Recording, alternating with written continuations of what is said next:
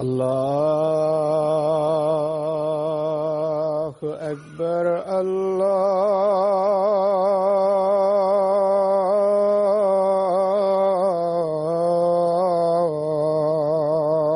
أكبر الله أكبر الله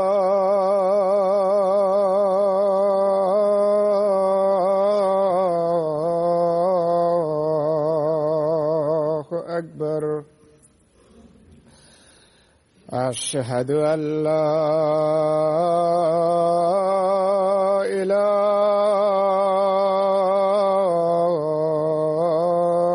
إلا الله أشهد أن لا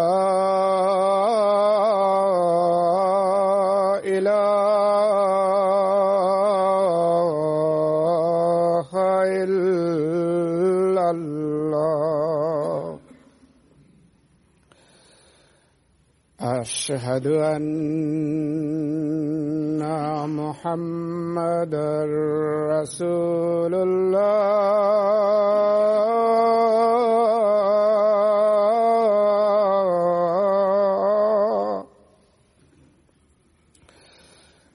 أشهد أن محمد رسول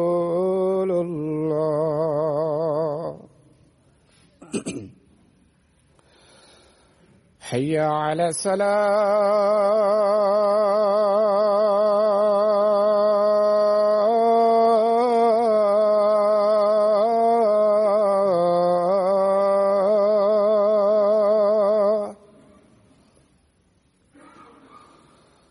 حي على السلام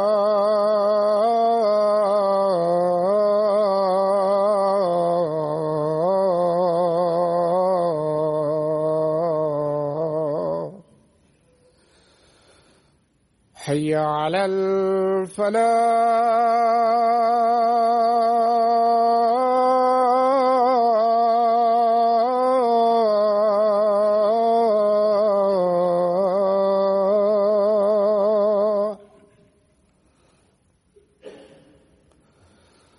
حي على الفلاح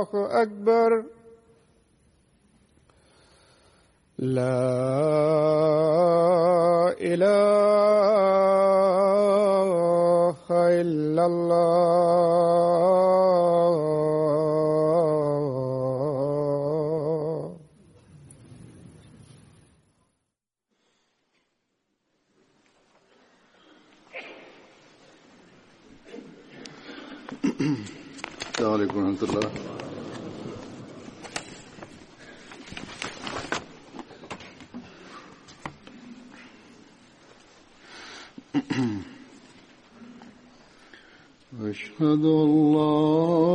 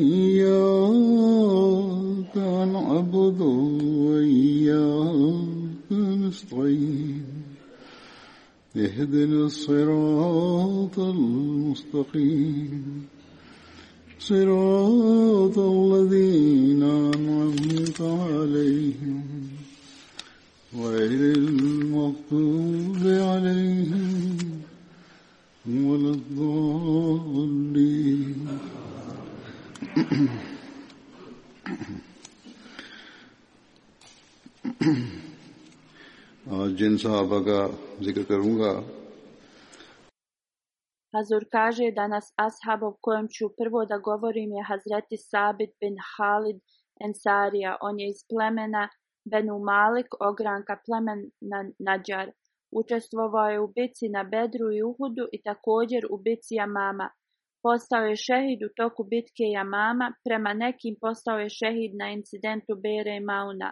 Onda imamo ashaba Hazreti Abdullah bin Urfata, preselio se u Abesiniju sa Džaferom bin Ebu Talibom. Prema hadisu koji prenosi Hazreti Abdullah bin Masud, on kaže da časni poslanik sallallahu alejhi ve nas je poslao kod kralja na Nađašija, bilo nas je oko 80. Hazreti Abdullah bin Urfeta je učestvovao u bici na Bedru. Hazreti Udba bin Abdullah je još jedan ashab, njegova majka se zvala Busra bint Zaid, učestvovao je u Bejt i Akba i u bitkama na Bedru i Uhudu. zreti Kejs bin Abi Sasa Ansarija, njegov otac se zvao Amr bin Zaid, on je bio poznat po Abu Sasa, njegova majka se zvala Šajba bint Asim. Hazreti Kejs sa 70 ensarija je uzeo bejat i na, Akbi učestvovao u bitci na Bedru i Uhudu. Kad je krenuo u bitku na Bedru, časni poslanik sallallahu alaihi veselam njegova armija izvan Medine su zastali blizu mjesta Sukija. Vrlo mlada djeca od uzbuđenja su počela da trče iza časnog poslanika sallallahu alaihi veselam. Oni su ih vratili. Onda je časni poslanik upitao ashabe pa da donesu vodu iz mjesta Sukija, pili su vodu odatle, onda su klanjali blizu njihovih kuća. U vrijeme kad su odlazili iz mjesta Sukija, časni poslanik sallallahu ve salam je rekao Hazreti Kajs bin Abu Sasa da izbroji broj muslimana. On je također bio zadužen da donosi vodu. Poslije ovoga časni poslanik sallallahu ve veselam je odsjeo u mjestu blizu Sukija Bunara – Mjesto se je zvalo Bere Abi Naba, dva i pol kilometra udaljeno od Mešćid Nabbi, poslanikove džamije. Hazreti Kejs je prebrojao ljude i rekao je časnom poslaniku da ih ima 313. Časni poslanik sallallahu alejhi ve je bio sretan i rekao je ovo je isti broj kao talutovih ashaba. Prema zabilješkama u vezi mjesta Sukija to je lokacija oko 2 km od poslanikove džamije. E, staro ime je bilo Uzeka. Hazreti Halad prenosi da je časni poslanik sallallahu alejhi ve sellem promijenio ime iz Uzeka u Sukiju. Ovaj ashab kaže ja sam želio da kupim ovo mjesto, ali prije nego što sam ja to uradio, Hazreti Sad bin Ebi je kupio ovo mjesto, ponudio je dvije kamile ili za cijenu od dvije kamile ili prema nekim drugim ljudima kupio je za 280 dirhama. Kad je ovo spomenuto časnom poslaniku salallahu alaih ve on je rekao da je njegova kupovina puna profita. Časni poslanik sallallahu alejhi ve sellem ga je postavio za vođu od Saka. Saka je dio armije u pozadini koja je zadužena za zaštitu. Jedne prilike je pitao poslanika sallallahu alejhi ve sellem o Allahov poslanice sallallahu alejhi ve sellem za koliko dana trebam da završim čitanje cijelog časnog Kur'ana? Časni poslanik sallallahu alejhi ve sellem je rekao za 15 noći. Hazreti Kais je rekao da on može da završi i prije. Onda je časni poslanik sallallahu alejhi ve sellem rekao da to uradi u roku od dva petka. Za ovo je Hazreti Kais rekao da može još prije da završi. On je učio Kur'an na svoj način, nastavio je ovako dok nije ostario i njegov vid je bio puno oštećen, da je morao da stavlja platno preko očiju. Onda je počeo da čita Kur'an u toku 15 dana. Govorio je da sam pošlušao prvi savjet časnog poslanika salalahu alih veselem. Imao je dvojicu sinova Elfekein and Umi Haris. Njihova majka je bila hazretja Mama bint Muaz i njegovo potomstvo se nije nastavilo poslije. Imao je tri brata koji su bili ashabi časnog poslanika sallallahu alaihi wasallam, ali nisu učestvovali u bici na Bedru. Hazreti Haris je ubijen u bici mama. Hazreti Ebu Hilab, Džabir bin Abu Sasa su ubijeni u bici Muta. Sljedeći ashab je Ubejda bin Haris. On je bio iz Benu Mutalib plemena i bližnji je rođak časnog poslanika sallallahu alejhi ve njegova titula je bila Ebu Haris ali prema drugima prenose da je njegova titula bila Ebu Muavija majka mu se zvala Suheila bint Huzai bio je deset godina stariji od poslanika sallallahu alejhi ve sellem.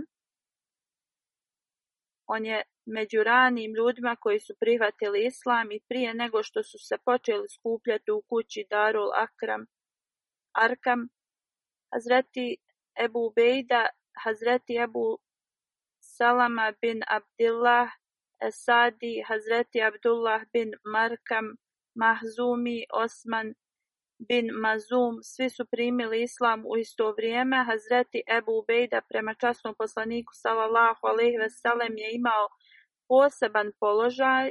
On je na samom početku prihvatio islam i bio je jedan od vladara plemena Benu Abdim Manaf.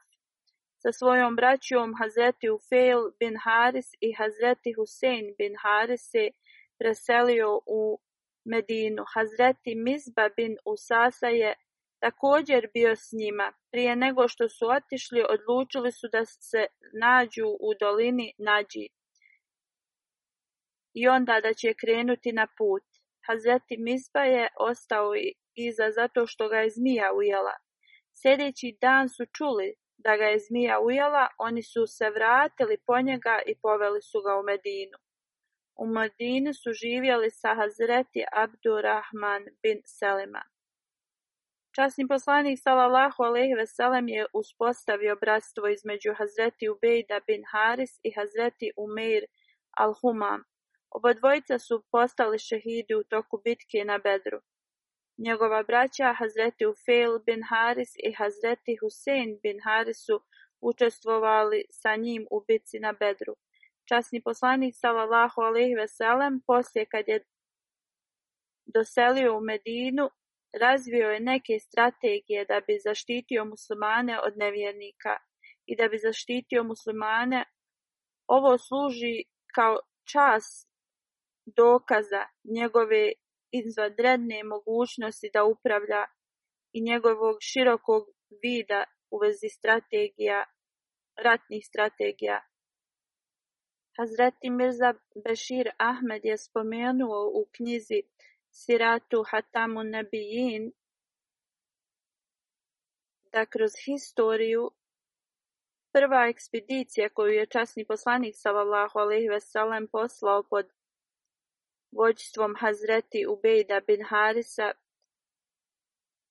i ova grupa se je suprostavila kriminoj bin Ebu Džehel grupi sa Kurešijama su bila dva muslimana koja su bila primila islam u svom srcu, ali nisu se pridružili muslimanima. Oni su došli u to vrijeme s Kurešijama da bi našli priliku da se pridruže muslimanima. Spomenuto je u hadisima kad su muslimani se prostavili s Kurešijama Migdada bin Amar i Utba bin Rizvan. Oni su imali ugovor sa Benu Zuhra i Benu Naufel plemenom. Njih dvojica su pobjegli od mušrika i pridružili su se muslimanima. Oba dvojica su primili islam, ali pošto su živjeli sa nevjernicima, došli su s njima s nadom da pobjegnu i pridruže se muslimanima. Jedan cilj časnog poslanika sallallahu alejhi ve sellem da šalje ekspedicije je bio da sačuva ovakve ljude od okrutnih kurešija i da bi dao priliku ljudima da se pridruže muslimanima. Osam mjeseci poslije Hidže časni poslanik sallallahu alejhi ve sellem je poslao Hazreti Ubejda bin Harisa sa 60 do 70 konjanika. Časni poslanik je svezao bijelu zastavu za Hazreti Ubejda bin Harisa koju je Hazreti Mista bin Usasa držao.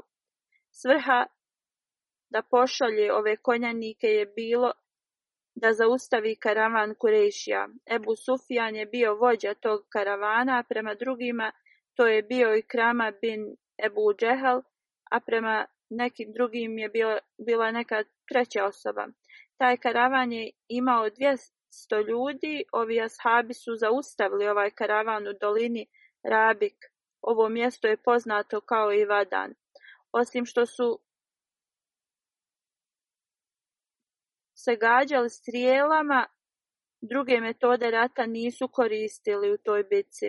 Hazreti Sad bin Abi Vakas je bio prvi od muslimana da ispali strijelu i ovo je bila prva strijela koja je ispaljena od muslimana, Hazreti Migdad bin Aswad.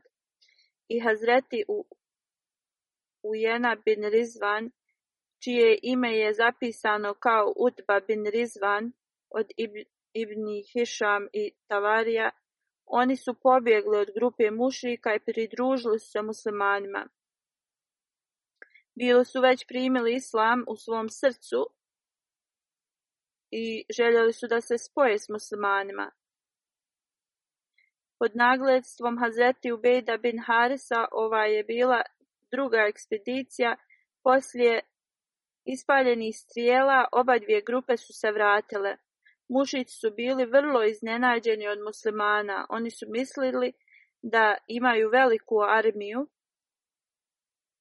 i od straha su se povukli, a muslimani nisu slijedili za njima.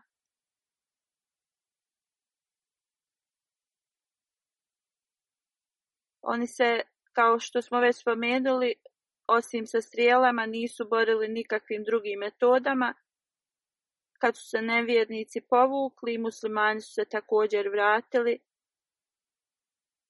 Hazreti Mirza Be Bešir Ahmad Sahib u njegovoj knjizi Siratu Hatam Nebijin je napisao na povratku sa bitke na Vadanu na samom početku Rabiul Evala časni poslanik sallallahu alejhi ve je poslao grupu od 60 muhadžira. Njegov bližnji rođak Ubejda bin Haris je bio postavljen za vođu, ova ekspedicija je bila da dočekaju napad Kurešija kad je Hazreti Ubejda bin Haris i ostali stigli do Sinatul Mara vidjeli su da dvije mladih Kurešija su napravili kamp pod komandom Ikrama bin Ebu Džehel i gađali su se sa strijelama. Nevjerni su se puno bojali da su muslimani imali skrivenu armiju iza, zbog toga su se povukli, a muslimani nisu išli za njima. Dva čovjeka iz kurešijske grupe, Miktad bin Amar i Utba bin Rizvan, pobjegli su od Ikrama bin Ebu Džehal i pridružili su se muslimanu. Zapisano je, je razlog zašto su bili sa kurešijama oni su tražili priliku da se pridruže muslimanima, jer su on već bili muslimani u srcu. Ali kao rezultat, jer njihova vjera još je bila slaba i iz straha od Kurešija nisu radili hijđrat preseljenje u Medinu. Moguće je da ovo njihovo bježanje je učinilo Kureši obeshrabljenim i oni su se povukli. Nije spomenuto u historiji da ovaj kurešijski karavan, koji zasigurno nije bio trgovački karavan, to je samo bilo kao da su otišli kao karavan, ali oni su bili puni oriju užja i organizovana armija, u vezi koje je Ibni Ishak spomenuo riječima velika armija. Oni su otišli sa specijalnim motivom i ciljem, Zasigurno je da nisu imali dobar motiv. Došli su sa ciljem da napadnu. I gađali su se strijelama. Izgleda da su mušrici bili prvi oni koji su ispalili strijele. Hvala uzvišenom Allahu da su muslimani bili spremni. I onda kad su vidjeli da ljudi iz njihove grupe ih napuštaju, oni nisu imali hrabrosti i povukli su se. Praktičnu korist koju su ashabi imali iz ovog primjera, da dvije muslimanske duše su bile spašene od Kurešija, u toku bitke na Bedru Hazreti Ubejda Pinhari se borio na bojnom polju protiv Valida bin Utba. Spomenuto je u hadisu da je ajet iz časnog Kur'ana bio objavljen u to vrijeme. Hazreti Ali radijalahu anhu prenosi da je ajet bio objavljen u vezi ljudi koji su se borili na izazovnom bojnom polju na bedru.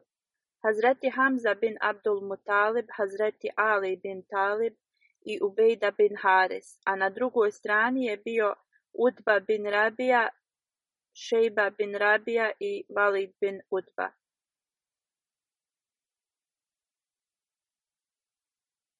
Prevod ovog ajeta je ova dvojica su oni koji raspravljaju u vezi njihovog gospodara, a za one koji ne vjeruju odjeća će im biti skrojena od vatre i ključala voda će da bude posuta po njihovim glavama. Detalji dalje od ovog napada su proizvedeni u Sunan Ebu Daud. Hazreti Ali radijalahu anhu prenosi Utba bin Rabija kojeg je pratio njegov sin i brat su došli naprijed i naglasili su koji od vas će da nam se suprostavi. Mnoga omladina od Ensarija su im odgovorili. Udba ih je upitao, ko ste vi? Oni su odgovorili, mi smo Ensarije. Udba je onda rekao, mi nemamo problema sa vama, mi se samo želimo da borimo sa našim rođacima. Onda je časni poslanik sallallahu alejhi ve sellem rekao: O Hamza, ustani. O Ali, ustani. I o Ubejda bin Haris, ustani i idite naprijed. Hazreti Ali dalje govori, čim smo čuli poziv časnog poslanika, salallahu alaihi veselem, Hazreti Hamza je pošao prema Udbi. Ja sam krenuo prema Šejbu i Hazreti Ubejda bin Haris se sukobio sa Validom. Njihova dvojica su bili puno ranjeni. Onda smo se okrenuli prema Validu i ubili smo ga, a Ubejda bin Harisa smo odnijeli sa bojnog polja. U toku sukoba Utbah je udario Hazreti Ubejdu u dio noge ispod koljena i bila je kompletno osjećena. Časni poslanik sallallahu alejhi ve je naredio da ga odnesemo sa bojnog polja. Poslije bitke na Bedru preminuo je u Sifri mjestu blizu Bedra i bio je ukopan tuj. U jednom hadisu se spominje kad je noga Hazreti Ubejda bila osječena, a shabi su ga odnijeli do časnog poslanika sallallahu alaihi sellem. On je rekao, o Allahov poslaniće, zar ja nisam šehid, jer je ranjen u borbi, ali nije odmah preminuo. Časni poslanik sallallahu alaihi veselem je rekao zaista bit ćeš uračunat u šehide. Prema drugom hadisu, kad je Hazreti Ubejda bin Haris odveden do poslanika sallallahu alaihi veselem, stavio je glavu u, u krilo časnog poslanika sallallahu alaihi veselem i rekao da je Ebu Talib živ danas, on bi znao da ja imam više pravo od njega, od onoga što je on često govorio, da je laž da ćemo mi da povjerimo vam Muhameda sallallahu alaihi Jedino kad budemo odstranjeni od poslanika sallallahu alaihi veselem i ne budemo svjesni u vezi svoje djece i supruga. Ovo su emocije koje su oni pokazivali. Kad je preminuo, misli se kad je postao šehid, imao je 63 godine.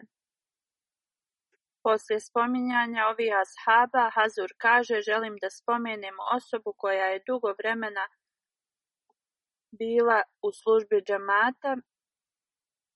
On je bio misionar iz Indonezije. Preminuo je nekoliko dana prije. Njegovo ime je gospodin Sujiti Aziz Ahmad.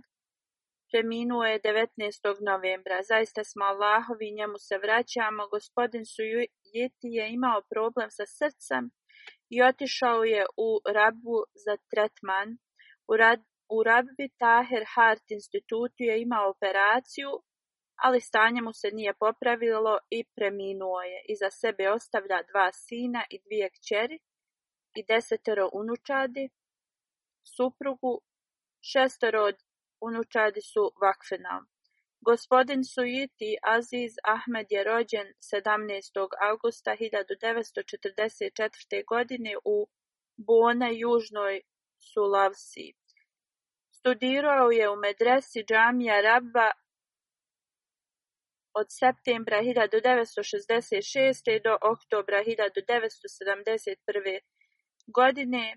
U aprilu 1972. postavljen je kao centralni misionar u Indoneziji. 1985. godine je dobio šahid diplomu zbog njegove odlične službe kao misionar. 2000. godine je obavio hađ. Od 1972. godine do 1979. godine služio je kao misionar u južnom Sumatra, Lampung, Njambi i Benkulu. Od 1979. do 1981. služio je kao nastavnik za Mualimin od 1981. godine bio je postavljen da služi kao misionar u Purvokerto. 1982. bio je postavljen kao asistent direktor za Mualemin i Mubalegin časove. Od 1982. do 1992. služio je kao direktor za medresu džamija Ahmadija u Indoneziji. U tom periodu 1985. dodijeljena mu je šahid diploma. Od 1992. do 2016. bio je glavni za tablik širenje vjere. Od 2016. do svoje smrti je služio kao direktor medrese Džamija Ahmedija Indonezija. 1973. godine oženio je gospođu Afifu čerku od misionara Abdul Wahid iz Sumatra. Ona je bila starija sestra od Maulana Abdul Basit, koji je emir Indonezije džamata. Imali su četvero djece, Varda Halid, Harit Abdul Bari, Sadat Hamdi i Alija Atijatul Alim. Afifa sahiba je preminula 2009. godine, Sujuti sahib je poslije oženio, a Rina nisu imali djece.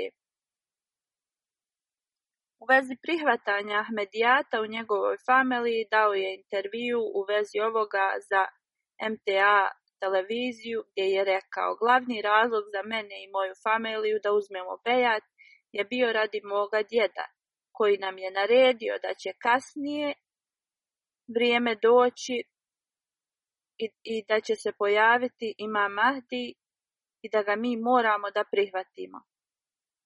Da bi održali ovo naređenje, on i njegova familija su se dva puta selili. 1959. moja familija je odselila u Lampung, 1963. godine misionar Maulana Zinini Dehlan sahib je došao da nam govori o Ahmadijatu u Lampungu Rekao nam je da se ima Mahdi pojavio. Ja sam ga pitao u vezi dokaza, u vezi njegovog dolaska, on nam je dao knjigu dokazujući istinitost Mesije i rekao je da pročitamo. Kad sam pročitao ovu knjigu bio sam siguran da Mesija koji je trebao da se pojavi niko drugi osim imama Mahdija, Hazreti Mirze Gulam Ahmad iz Kadijana ali sa vama. On kaže 13. februara kad je imao 19 godina, on i 40 članova njegove familije su uzeli bejat preko Maulana Zini Dehlan Saiba. Onda je rekao, 1963. godine Vakilul Tabšir, gospodin je posjetio bandug iz Rabe, ja sam bio prisutan tu. Istina mi je bila još jasnija poslije ovoga njegovog dolaska i programa i kad sam upoznao misionare. 1963. godine Maulana Ebu Bekr Ejub Saheb on je bio misionar u Južnoj Sumatra, nas je posjetio u Lampungu, održao je seminar za trening novih Ahmedi muslimana. Poslije ove posjete poslao je izvještaj Reisul Tablik, Maulana Sejd Shah Mohamed Đilani sahibu i rekao mu je da imaju neki ljudi iz Boga plemena koji su uzeli bejat u Lampungu i nemamo misionara iz njihovog naroda, a imamo izjava i Sunda naroda. On je rekao on je rekao da je upoznao mlade ljude koji mogu da budu poslati u rapu da studiraju. On onda kaže da je on bio jedan od trojice mladih ljudi na listi. Poslije mi je rečeno da predaju za pasoš i vizu kako god tad je bilo teško političko vrijeme i nisu mogli da predaju za pasoš. 1966. godine kaže da je predao za vizu u pakistanskoj ambasadi i za 15 minuta je dobio vizu. Dalje govori, stigao je u Karači i tu je ocijeo jednu noć. S vozom je onda otputovao u Rabu. Kad je stigao na stanicu, hodao je do džamija Ahmedija. Kaže da ga je dočekalo puno studenata i izrazili mu dobrodošlicu, okruženje je bilo drugačije i bilo je vrlo teško da se navikne na početku, ali kako god kaže da je uspio da se navikne. Poslije tri dana bio je upisan u medresu Džami Ahmedija u Rabbi. On kaže da je imao profesora koji se je zvao Hazreti Master Atam Muhammed Sahib. On je bio ashab obećanog Mesija alaih salama.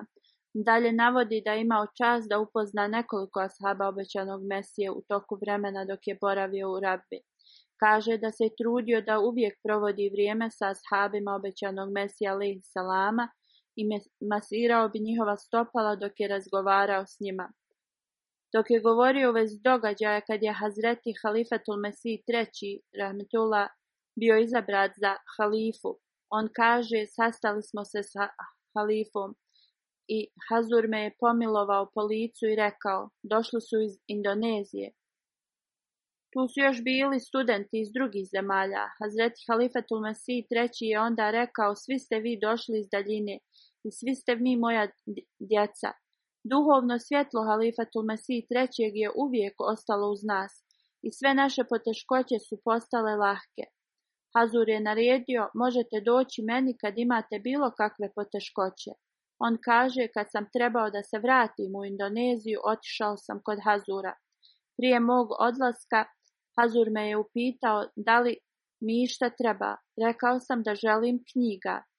Otišao sam u ured, ali nisam mogao da dobijem nikakve knjige. Hazur je onda uzeo svoju olovku i napisao Danite knjige su juti. Brzo poslije sam dobio Ruhani Hazen, koji i danas imam. Prije nego što sam otišao, Hazur me je zagrlio i šapnuo mi je u moje uho. Nikad nemoj da budeš neposlušan svome gospodaru. Ovo je moj savjet tebi. Onda je spomenuo u vezi događaja kad ga je Šarif Ahmed Baugis, emir Indonezije, poslao na Filipine 1992. godine da se pobrine za internacionalni bejat koji se trebao da dogodi. Ovo je prema instrukcijama Halifatul Mesih IV. On mi je rekao. Ja sam njemu rekao, ja sam vrlo slab i ne govorim njihov jezik. On je meni na to rekao, ja imam punu vjeru u tebe. Ja sam sam odgovorio, ako su ovo instrukcije, ja sam spreman da idem. Otputovao sam i da bi stigao tu morao sam da prođem kroz Manila i Zambakki. Nešto sam pojeo i dobio sam koleru i bio sam vrlo slab. U ovom stanju molio sam Allaha o Allahu, ako umrem ovdje gdje nema muslimana, ko će mi dženazu klanjati? Te noći sam sanjao da je medicinska sestra u uniformi me posjetila dok me je milovala po mom čelu puhnula je zrak. Iz tog trenutka sam osjetio da se moje cijelo tijelo ohladilo. Potpuno sam se oporavio sljedećeg jutra i otputovao sam u Tavi Tavi. Hvala uzvišenom Allahu, 130 ljudi se pridružilo džematu u toku tri mjeseca. Abdul Basit Saheb, emir džemata u Indoneziji, piše Ja znam Sujiti Aziz Saheba kao svog zeta i kao misionara. On je bio vrlo jednostavna osoba i bio je vrlo ponizan i mehkog srca. Bio je živi primjer strpljivosti i izdržljivosti u svim slučajima. Uvijek se molio Allahu, klanjao tahadžud regularno, uvijek je pokazivao veliko povjerenje uzvišenog Allaha i vezu sa institucijom hilafeta i halifom. To je bilo na velikom nivou koje je bilo puno ljubavi i iskrenosti. Davao je prednost džematu, iznad svih ostalih osobnih stvari. Uspješno je služio džemat što mu je god bilo povjereno da radi, izvršavao je to sa punom iskrenošću i lojalnosti. Nije bilo važno da li to bila služba kao misionar, učitelj, direktor. Bio je odličan model i primjer osobe koja dodijeli svoj život za službu džamata. Masun Saheb, podpredsjednik medrese džamija Ahmedija u Indoneziji, kaže... Sujuti saheb bi predavao čas prevoda časnog Kur'ana trećem, četvrtom i petom razredu. Predavao je čas Kalamu Bašir klasi, to je zadnja godina u medresi, da bi predavao ovaj čas preveo je knjigu Irfan il Lahi na indonezijski jezik kad je postao slab Radi bolesti nije mogao da hoda, njegovi studenti bi dolazili u njegov ured da im predaje. Predavao je čas 8. novembra prije nego što je odputovao u rabu. On je uvijek govorio, godine medrese su povećane na sedam godina i Hazreti Halifatul Mesij je ovo odobrio, tako vi svi morate da radite vrlo naporno da ispunite Hazurova naređenja. Njegova kćerka Mardija sahiba piše Moj otac je potpuno posvetio svoj život za vjeru. Proveo je cijeli život u službi džemata, do mjere da je rijetko putovao sa porodicom radi porodičnih obaveza i provođenja vremena. Mi smo uvijek znali da je ovo kako osoba koja da svoj život za džemat provodi svoj život. On je naučio svoju djecu da vakfe zindagi osoba provodi svoje vrijeme kompletno u službi džamata. Što se tiče našeg treninga, moj otac nije davao previše savjeta. Radije on je bio primjer. On je služio i pomagao moju majku kad se je razbolila i radio je sve obaveze u kući. Pravio je sehur i iftar u toku Ramazana sam. Nikad nije pitao nikoga da to radi za njega. Imao je naviku da radi sve sa svojim rukama. Njegov sin, Sadat Ahmad Sahib, piše On nas je trenirao sa strpljenjem, ali je puno usmjeravao našu pažnju na namaze. U toku kad smo bili djeca, on bi nam naredio da idemo da klanjamo namaze u džami. Ako me ne bi vidio u džamiji, on bi došao i odveo bi me u džamiju. Uvijek nas je savjetovao da nikad ne izostavljamo namaze i da uvijek hlanjamo sunete i učimo Kur'an. Njegova čerka Atijatul Alim kaže Moj otac je uvijek govorio istinu. Nikad ni u šali nije rekao laž. Nikad nije propustao tahadžud i klanjao je svoje namaze u džematu u džami. Jedino kad je bio bolestan, ja drugim, drugom prilikom ga nikad nisam vidjela da klanja namaz kod kuće. Njegova druga supruga kaže prije nego što je otišao u rabu, rekao je meni i djeci, moje potomstvo, familija, i ukućani je hilafet i moj život i smrt je za džamat. Ove godine prisustvovao je na dželsu u Njemačkoj. Previše je želio da prisustvuje, iako su ga njegova djeca savjetovala da ne putuje jer je bio bolestan. On je rekao da želi da vidi halifu i došao je na dželsu u Njemačkoj i imali smo sastanak. Njegova supruga je također rekla on je bio odličan suprug i od njega sam naučila važnost poslušnosti. Nikad se nije brinuo za svoje zdravlje kad je bilo u pitanju posao za džemat. Zet gospodina Sujuti Aziza Zaki Saheb kaže 2005. godine kad nam je bilo javljeno da će da napadnu na naš centar, Hudamima je bilo naređeno da dođu i da zaštite centar. I ja sam bio tu. U to vrijeme Sujuti sahib je bio glavni za tablik. Primijetio sam da on nikad nije bio zastrašen od ove situacije. Dolazio je usred noći i sastajao se sa nama i ohrabljivao nas. Imao je ogromnu ljubav prema hilafetu on bi govorio da je dao svoj život za džemat, tako šta god bude radio, to je prema uputama i od naređenjima Halifatul Mesiha. 2017. godine imao je moždani udar i u to vrijeme nije mogao čisto da izgovara, ali ni ovoga nije zaustavilo da konstantno nastavi da proučava knjige i da predaje studentima u džamiji. Ahmed Saheb, sekretar za terbijet, moralni trening, piše Ako bi ikomu dao dobar savjet, on bi to otvoreno pohvaljivao i zahvaljivao se sa velikim poštovanjem.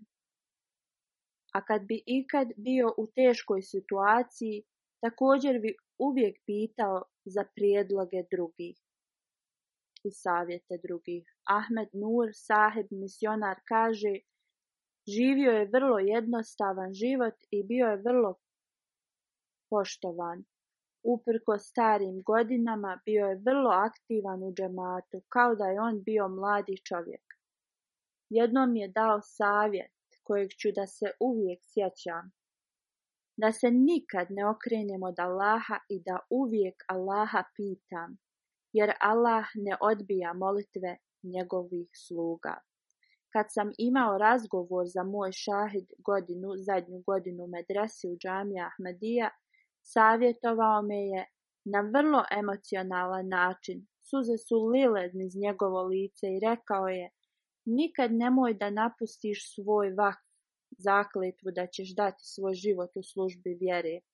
Kogod napusti svoj vak je gubitnik.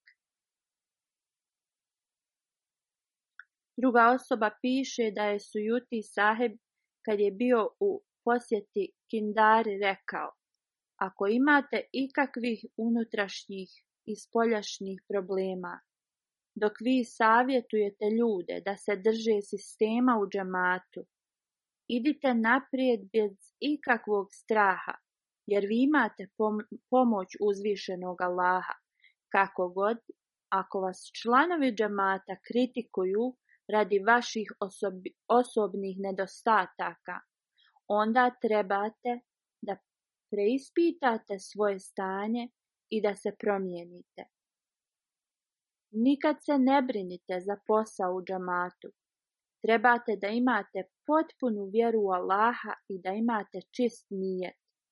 Kako god, ako osoba ima bilo kakav osobni nedostatak, onda oni trebaju da dobro preispitaju svoje stanje. Halud Ahmed Han sahib misionar piše u toku dok smo bili studenti u medresi, Sujuti sahib je bio sjajan primjer duhovnog i moralnog primjera. Davao je veliku pažnju namazima u džamatu. Uvijek bi bio na vrijeme u džamiji ili bi dolazio dosta ranije. I ovo je nastavio sve do svoje smrti. Iako je njegovo zdravlje bilo vrlo slabo, nastavio je da izvršava svoje dužnosti prema namazima na najbolji način. Drugi misionar Hašim Saheb piše, imao sam čast da mi sujuti Sahib predaje Ilmul Kalem u džamiji. Njegov stil predavanja je bio da u toku predavanja postavlja pitanja studentima, i da ih hvali kad mu daju dobre odgovore. Jednom je pitao koji je najveći dokaz za istinitost obećanog Mesija alaih salama i mi smo svi dali razne ajete i hadise. On je rekao da je on najveći dokaz za istinitost obećanog Mesija alaih salama. Također svaki Ahmedi bi trebao da smatra sebe da je najveći dokaz istinitosti obećanog Mesije. On je rekao da svi moramo imati standard gdje smo svi mi dokaz njegove istinitosti.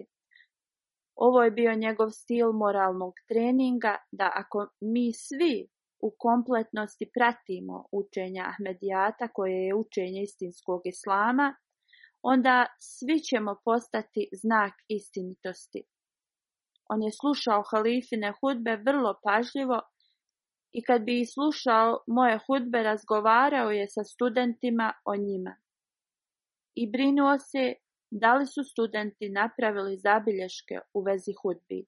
Uvijek je provjeravao da li su oni razumjeli poruku koja je, koju je Halifatul Mesih dao u toj hudbi. Uvijek ih je savjetovao u vezi poslušnosti prema hilafetu. Šamsori Muhammed Sahib misionar piše Sujuti Sahib je bio uspješan vakfe zindagi. Jednome je savjetovao i rekao, kad si dao svoj život za službu vjere, moraš da se potrudiš, da nikad ne budeš nemarljiv. Da budeš nemarljiv je kao da odbacuješ džemat. Ovo uvijek zapamti. On je ovo ponavljao i vidio sam kako su njegove oči bile pune suza. Jusuf Ismail Sahib, misionar, piše kad sam bio postavljen za regionalnog misionara, otišao sam kod njega. Sujuti Sahib je tad bio Reisul Pitao sam ga zašto je baš mene stavio za regionalnog misionara. Ja imam puno nedostataka i nemam iskustva. Nisam ja zaslužio da budem regionalni misionar.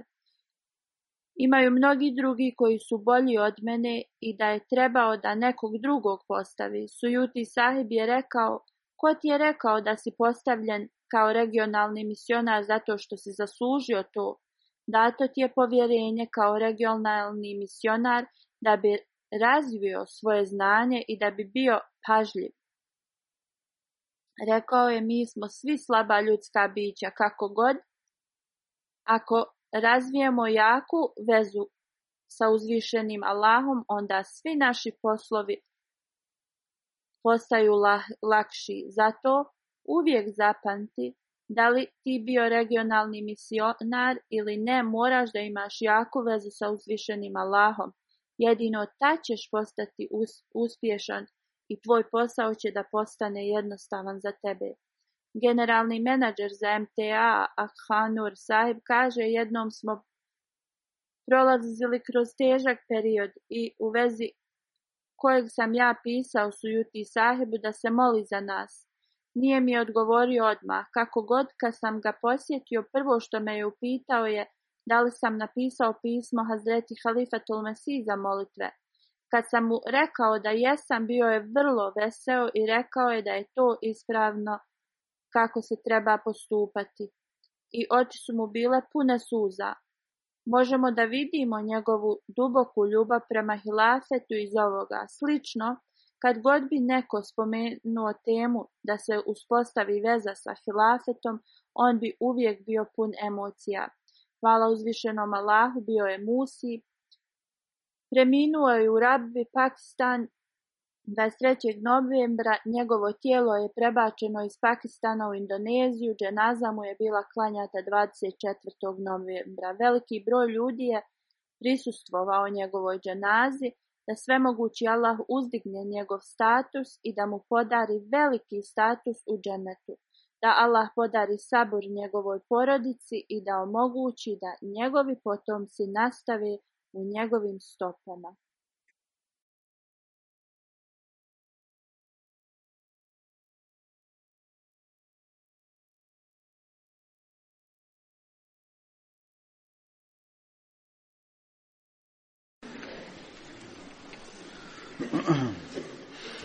الحمد لله الحمد لله نحمده ونستعينه ونستغفره ونؤمن به ونتوكل عليه ونعوذ بالله من شرور انفسنا ومن سيئات اعمالنا من يهده الله فلا مضل له ومن يضل فلا هادي له ونشهد أن لا إله إلا الله ونشهد أن محمدا عبده ورسوله عباد الله رحمكم الله إن الله يأمر بالعدل واللسان وإيتاء ذي القربى وينهى عن الفحشاء والمنكر والبغي يعظكم لعلكم تذكرون اذكروا الله يذكركم وادعوه یستجب لکم ولذکر الله رما نمازوں کے بعد میں جنازہ غائب بھی پڑھاؤں گا